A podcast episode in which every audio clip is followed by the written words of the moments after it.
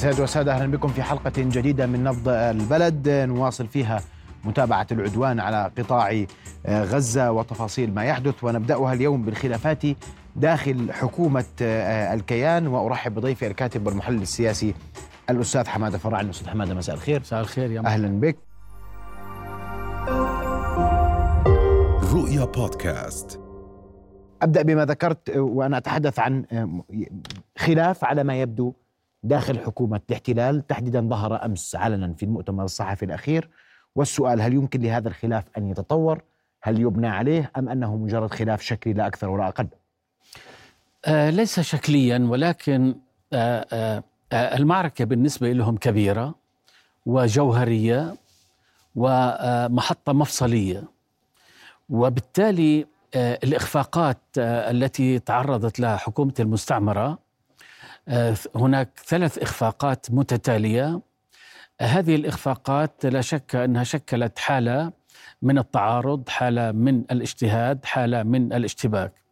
والإخفاقات الثلاثة يمكن تلخيصها بما يلي. أولا الإخفاق بالمفاجأة التي وقعت يوم 7 أكتوبر. هذه المفاجأة التي وقعت يوم 7 أكتوبر تشرين أول كما تعرف أن نتنياهو حمل المسؤولية للجيش والمخابرات ومن ثم تراجع عن هذه الاتهامات. فإذا المسألة الأولى كانت الإخفاق يوم 7 أكتوبر. الإخفاق الثاني كان في عملية الاجتياح الاجتياح الذي بدأ يوم 28 أكتوبر لم يتمكن لا من اعتقال أو اغتيال قيادات المقاومة الفلسطينية. هذا رقم اثنين. ورقم ثلاثة لم يتمكن من إطلاق سراح الأسرى الإسرائيليين. وبالتالي هذه الإخفاقات الثلاثة للمستعمرة وجيشها ومؤسساتها شكلت حالة من التعارض حالة من الاشتباك. لذلك حينما بدأ بدأت عملية الاشتباك مرة أخرى بعد يوم الجمعة. الحقيقة هنالك تباينات في في كيفية التعامل. نتنياهو وأغلبية التحالف السياسي الحزبي وقيادات الجيش والأمن الحقيقة هم في حالة ارتباك وبالتالي في حالة من التعارض والاشتباك فيما بينهم. هذا الذي فجر مسألة هل يصار مرة أخرى إلى قبول الاقتراحات التي قدمتها حركة حماس بعملية التبادل التي رفضها نتنياهو. طبعا من المعروف أن نتنياهو وفريقه ليس لهم مصلحة لا في التهدئة ولا في تبادل الأسرى. بل لهم مصلحة باستمرارية المعارك لعلها لعلهم يحققون إنجازات بعد الإخفاقات التي منيت بها المستعمرة وجيشها ومؤسستها كما قلت. من 7 أكتوبر لغاية 28 أكتوبر كان قصف متواصل لمدة ثلاثة أسابيع.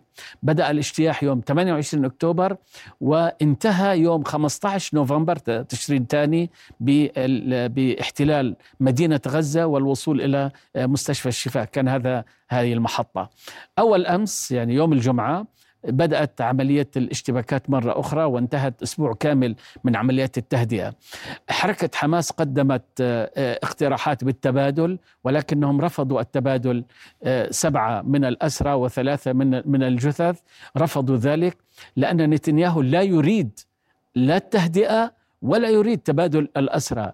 نتنياهو يريد تحقيق إنجازات بعد الإخفاقات الثلاثة التي منيت بها المستعمرة وجيشها وأجهزتها يبنى تحدثنا عن الخلاف واليوم أنا عشان أكون سؤال دقيق وصريح سياسيا اليوم هناك خلاف ما بين الجيش ومخابراتها والأجهزة الأمنية بعمومها وبين رئيس الوزراء ووزير الدفاع نعم. صحيح؟ نعم أستاذ احمد اعذرني على بدي أسمع تعقيبك إذا عندك تعقيب على ما يرد ومن الممكن إنه كان في تركيز واضح على الموقف الأمريكي في حديث أسامة حمدان أيضا والموقف الأمريكي اليوم عليه علامات استفسار كثيرة. نعم. بداية دعني أؤكد على مصداقية ما تفضل به السيد أسامة حمدان حول مسألة معاملة الأسرى. نلاحظ أن الأسرى لم يقدموا الشكر إلا بعد أن وصلوا إلى محطة الصليب الأحمر يعني لو كانت هذا الشكر والتقدير أثناء اعتقالهم هنالك شكوك في في المصداقية. ولكن بعد أن تركوا آه، حالة الاحتجاز ووصلوا إلى إلى آه، آه، سيارات الصليب الأحمر ويعبرون عن تقديرهم وشكرهم بمظاهر هذا الحقيقة يدلل على مصداقيتهم في تقديم الشكر للمقاومة ويؤكد على مصداقية في كيفية التعامل المقاومة معهم. هذا الحقيقة شيء في غاية الأهمية. نعم. وأيضا يعني أنه أسامة حمدان أن يشكر يهود الولايات المتحدة وغيرهم هذا شيء في غاية الأهمية. لن ينتصر الشعب الفلسطيني إلا بكسب انحيازات إسرائيلية ويهودية آه، بالإضافة للشعوب الأخرى. لأن ال ال يعني الحركة الصهيونية والمستعمرة الإسرائيلية ادعت آه، دائما أنه هي تعبر عن اليهود وترغب في حل مشاكل اليهود إلى آخره إلى آخره.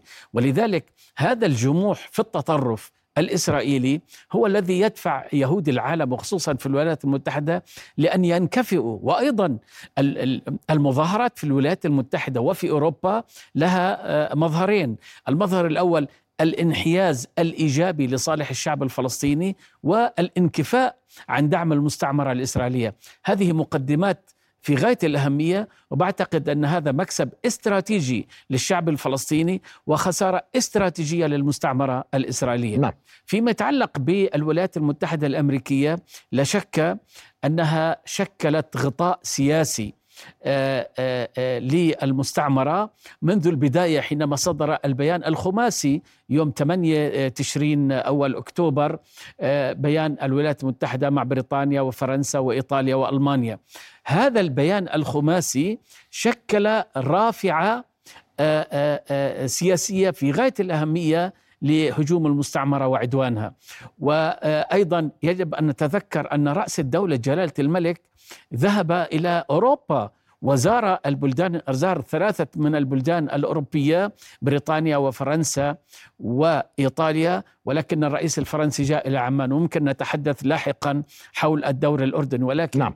يعني أريد أن أقول أن الولايات المتحدة شكلت هذا الغطاء وبعد آه، النفوذ أو التحريض أو آه، الدور الأردني الولايات المتحدة مرة أخرى في 28 تشرين أول أكتوبر آه، فرضت البيان الخماسي مرة أخرى وشكل البيان الخماسي مرة أخرى غطاء لعمليات الاجتياح. لذلك الولايات المتحدة تبنت بالكامل سياسيا عسكريا تسليحيا. يعني هي التي قدمت للمستعمرة الإسرائيلية آه، آه، هذه الصواريخ وهذه القنابل المدمرة. حينما تدقق آه، بالقنابل أكثر من عشرة متر تحفر في الأرض. يكون هنالك بيت عمارة إلى آخره تختفي ومش بس تختفي وهنالك حفرة أكثر من عشرة متر في الأرض. هذا يدلل على مدى قوة التفجير. طبعا الولايات المتحدة و و و يعني قدراتها قالت أنه يجب أن تكون القنابل أقل تاثيرا وبالتالي غيروا القنابل من واحد طن إلى 200 كيلو و250 كيلو إلى آخره لذلك هنالك تبني كامل ولكن الفشل رقم واحد لأهداف المستعمرة الإسرائيلية في العناوين الثلاثة التي ذكرتها نعم. وحجم التضامن والانفعالات والاحتجاجات الأمريكية في كل الولايات الأمريكية وخصوصا في واشنطن. في واشنطن كانوا يأتوا بالطائرات وبالقطارات إلى واشنطن للمشاركة بالمظاهرات الاحتجاجية ضد سلوك المستعمرة وتأييدا للشعب الفلسطيني وأيضا بشكل خاص أيضا في بريطانيا، يعني أريد أن أقول أن الولايات المتحدة وبريطانيا بشكل خاص بالإضافة للبلدان الأوروبية، ولكن أن يكون في بريطانيا المراقبون يتحدثون عن لأول مرة في التاريخ من 300 ألف لمليون بريطاني يتظاهرون من أجل شعب أجنبي من أجل شعب آخر ومين؟ مع الشعب الفلسطيني ويحملون الحكومات البريطانية المتعاقبة معاناة ومأساة ومشكلة آه، الشعب الفلسطيني بدءا من وعد بلفور سنة 17 وانتهاء بولادة المستعمرة بأيار 48 وخلال هذه الفترة سمحت بحكم آه، انتدابها واستعمارها لفلسطين سمحت بتدفق الهجرات الأجنبية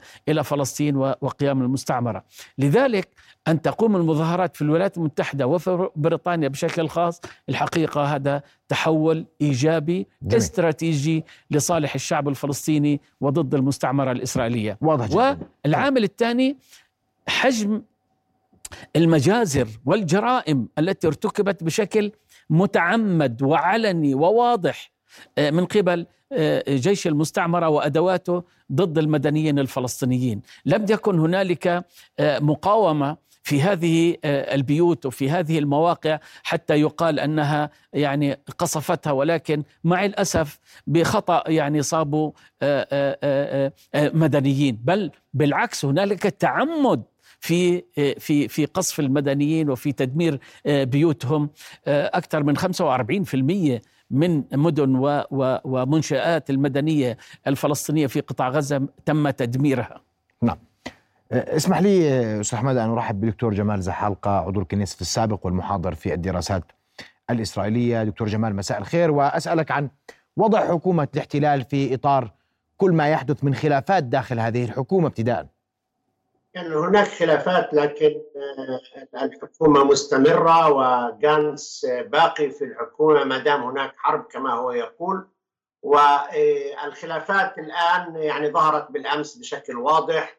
لم يستطيعوا أن أن يقيموا مؤتمرا صحفيا آه، بمشاركة الترويكا الثلاثة جانتس و آه، ونتنياهو وجالانت نتنياهو حتى قال أن جالانت رفض أن يشارك معه في المؤتمر الصحفي.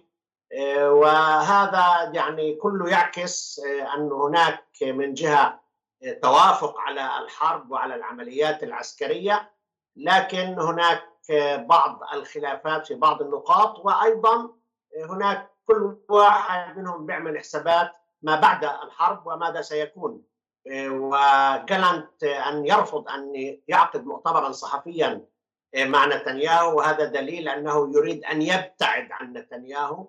ربما احساسا منه بأن نتنياهو قد يعني شارف على إنهاء حياته السياسية تبعا للغضب الشديد الذي سيحدث وسينفجر بعد انتهاء أنا شخصيا لا أرى أن هذه الحرب ستنتهي يعني بمفهوم النهايات التي نعرفها. هذه حرب سيكون لها ذيل طويل جدا سيمتد إلى فترة طويلة إلى سنوات ربما. إيه، ولهذا السبب يعني كل الحديث عن اليوم ما بعد الحرب هو حديث إيه، مبكر. لكن إيه، هناك من الواضح الآن بانه السياسة الخارطة السياسية الإسرائيلية ستتغير بشكل كبير جدا. في المرحلة القادمة وأعتقد أن الفلسطينية أيضا ستتغير. لكن بالنسبة للإسرائيلية التي سألت عنها أعتقد أنه كانتس و يعني سيكون هو المرشح الأقوى لرئاسة الحكومة. سيترك جانس وينضم إلى الليكود. وربما هناك يعني إمكانية كبيرة جدا أن لا يكون نتنياهو. الكل يعمل بيعمل حساباته والكل يريد أن يعني يحظى بشيء ما بعد الحرب. أيضا الكل يخشى لجان التحقيق التي ستقوم. يعني جالنت لا يريد أن تضعه لجان التحقيق مع نتنياهو في نفس السلة. وهذا واضح جدا. أيضا جانس لا يريد ذلك. لهذا السبب هم يعني يعملون معا لكن كل واحد منهم يعني بالمرصاد للاخر ويخشى أن يطعنه بسكين من من خلفه. دكتور جمال آه، يعني وسؤالي هنا في ذات الإطار اسمح لي. وأنت تتحدث عن حكومة الاحتلال تتوقع تغييرات سياسية لكن كل ذلك يحتاج إلى ما بعد الحرب إن صح التعبير أو ما بعد انتهاء العدوان.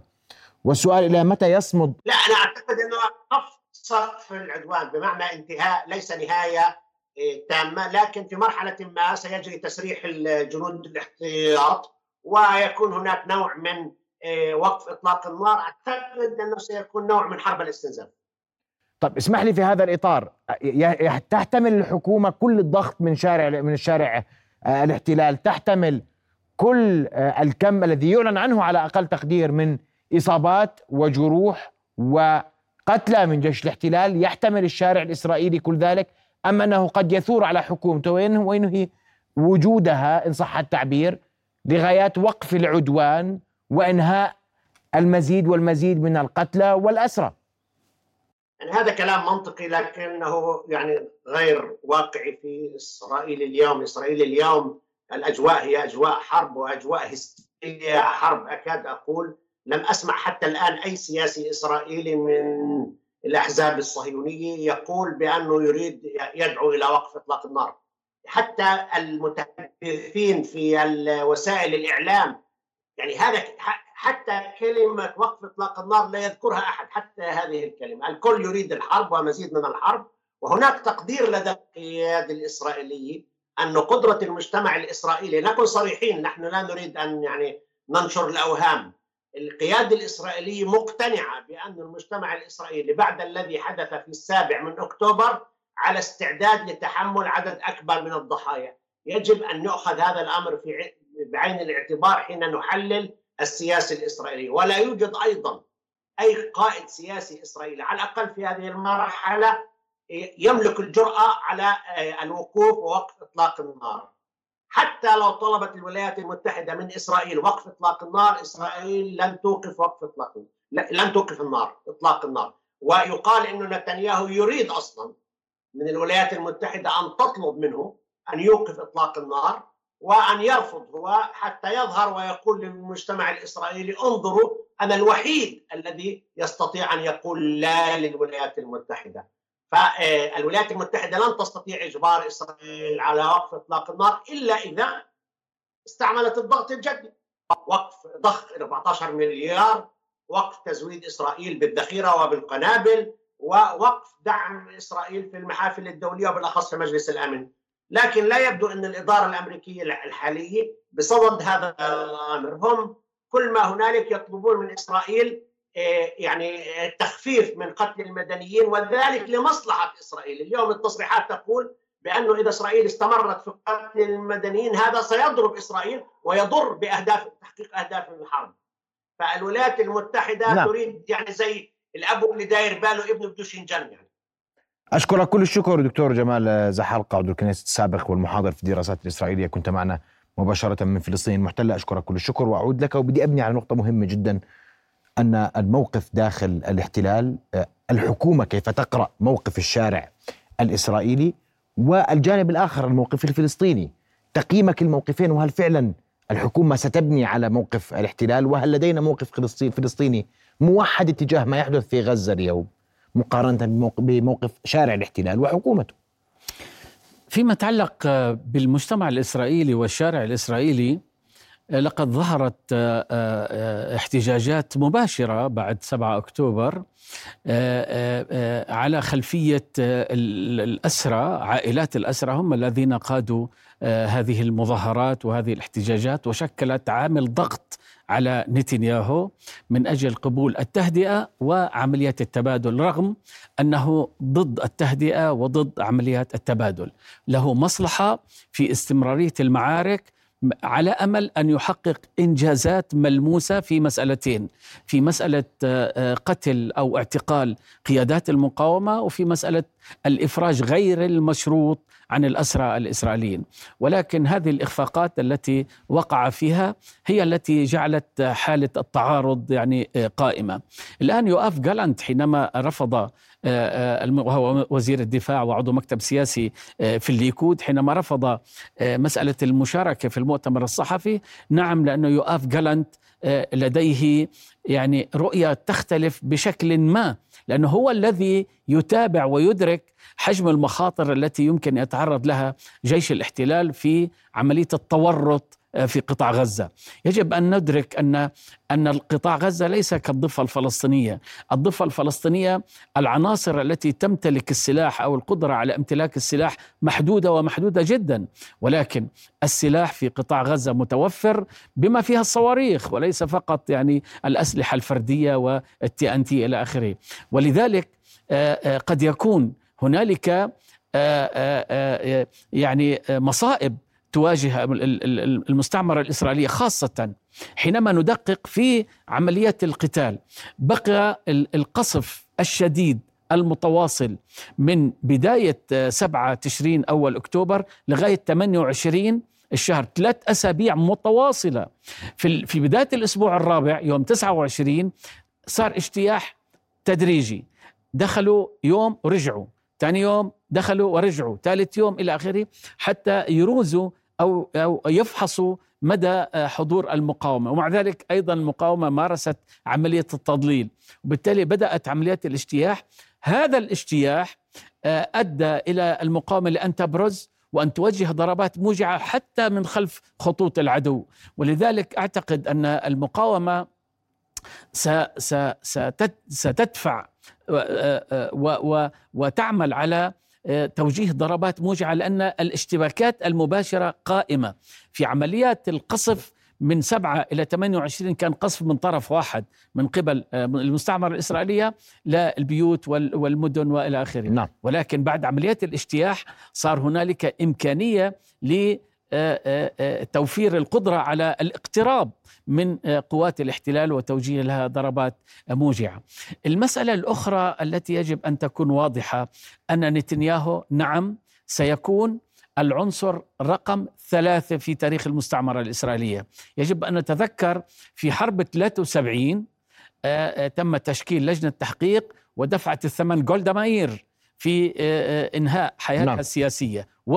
وفي عام 82 مناحم بيغن في الاجتياح الإسرائيلي إلى إلى لبنان هو وشارون دفع الثمن. تم آه، آه، مناحم بيغن أبعد عن رئاسة الحكومة وشارون خمس سنوات بقي محروم من العمل السياسي. الآن نتنياهو بالإضافة للقضية الفساد اللي عمال بيتحاكم على أساسها. بالإضافة لذلك سيدفع ثمن حالات الإخفاق التي ومن هنا فإن يوآف جالانت يريد نعم الابتعاد عن نتنياهو. لعل آه، يوآف جالانت ما يدفع الثمن الذي سيدفعه آه، نتنياهو. الموقف الأردني وبعجالة إن سمحت. الموقف الأردني الحقيقة آه، أيضا يعني أرجوك أنك تعذرني والمشاهدين. لا أقول ذلك لأني مواطن أردني وعبر شاشة أردنية ولكن كمراقب كمدقق آه، كطالب مجتهد دارس درسه الموقف الأردني عمل واشتغل على أربع جبهات. الجبهة الأولى آه، آه، آه، نسق واقترب وشارك الموقف المصري في مسألة رفض التهجير. التهجير. وبالتالي أصبح هنالك موقف مشترك بهذا الخصوص. واليوم حينما ندقق بتصريحات وزير الخارجية يقول بوضوح أن الأردن ومصر لن يتحملا مسؤولية عملية التهجير ويرفضا ذلك. فالموقف الأردني أولا باتجاه مصر. ثانيا الموقف الأردني تمكن من تشكيل حائط صد عربي لحماية الموقف الفلسطيني. وتمثل ذلك في اللقاء وزراء الخارجية السداسي مع بلينكن في عمان بحضور ممثل منظمة التحرير عضو اللجنة التنفيذية لمنظمة التحرير. والجبهه الثالثة على أوروبا كما قلت أن في البداية جلالة الملك زار ثلاثة بلدان أوروبية نعم. والرئيس الفرنسي جاء إلى عمان. وحينما صدر البيان البيان الخماسي مرة أخرى جلالة الملك ذهب إلى بروكسل والتقى مع المجموعة آه، الأوروبية. وبالتالي يدرك أن هنالك تباينات بين الموقف الأمريكي والموقف الأوروبي واشتغل على الموقف الأوروبي وحقق نتائج يعني آه، آه، المستشار الألماني شولتز والرئيس الفرنسي إضافة إلى نتائج زيارته إلى بروكسل الموقف الإسباني والموقف البلجيكي. بلجيكا بلد محافظ والحزب الحاكم حزب محافظ ومع ذلك انتقل إلى موقف إيجابي جدا لصالح الفلسطينيين بالاعت... نعم. بالدعوة للاعتراف بالدولة إلى آخره ف والجبهة الرابعة اشتغل على الموقف الأمريكي وبالتالي الأردن الحقيقة شكل رأس حربة سياسية في في آه، آه، العمل على حماية الموقف الفلسطيني وتأكيد على أن هنالك قيادة فلسطينية منظمة التحرير الفلسطينية والرئيس الفلسطيني. نتفق معه نختلف معه لكن شيء آخر فالموقف الأردني بقى, ثابت في هذا الاتجاه. لذلك يجب أن يكون واضح أن الموقف الأردني يسير باتجاهين. الاتجاه الأول من أجل بقاء وصمود الشعب الفلسطيني على أرضه ودعم نضاله من أجل, أجل انتزاع حقوقه على أرضه الوطنية نعم. وثانيا لحماية الأمن الوطني الأردني، يعني نحن الأردن يعمل ذلك من أجل إفشال المحاولات المستعمرة لإعادة رمي القضية الفلسطينية على الحضن الأردني. نعم. لأن دقيقة لأن المستعمرة الإسرائيلية نجحت عام 1948 برمي القضية الفلسطينية الحضن اللبناني والسوري والأردني. وبقيت كذلك حتى تمكن الرئيس الراحل ياسر عرفات نقل الموضوع الفلسطيني من المنفى إلى الوطن. أصبحت القضية الفلسطينية هناك على أرض فلسطين وعنوانها منظمة التحرير الفلسطينية ونضالها في مواجهة العدو عدو الشعب الفلسطيني والشعب الفلسطيني ما له إلا عدو واحد فقط الذي يحتل أرضه ويصادر حقوقه وينتهك كرامته. واضح جدا. أشكرك كل الشكر للكاتب والمحلل السياسي الأستاذ حمادة فرعني وشكرا جزيلا لك. أنتقل مباشرة إلى حافظ أبو صبرة في نابلس. حافظ آخر التطورات إلي لديك. تفضل حافظ. نعم محمد تتوالى الأحداث في الضفة الغربية على تباعدها. الآن هناك اشتباك مسلح من خلال تصدي للمقاومين الفلسطينيين لاقتحام قوات الاحتلال لمخيم عايدة في مدينة بيت لحم جنوب الضفة الغربية وهذا يأتي بعد ساعة فقط من انتهاء الاشتباكات التي تصدت لقوات الاحتلال واقتحامها لبلدة سيلة الظهر على الطريق بين نابلس وجنين شمال الضفة الغربية المحتلة. فيما يعني تتواصل إجراءات الاحتلال المشددة في محيط الضفة شمالا ووسطا وجنوبا جنوبا من حيث تجديد حركة المواطنين الفلسطينيين والتضييق عليهم من خلال إغلاق عدد كبير من الحواجز في محيط المحافظات وعرقلة حركة المواطنين من وإلى هذه المدن الفلسطينية ما يؤثر بشكل كبير على الحركة داخل المدن على دوام الموظفين على عمل الجامعات والأكاديميين وعلى حركة الأسواق.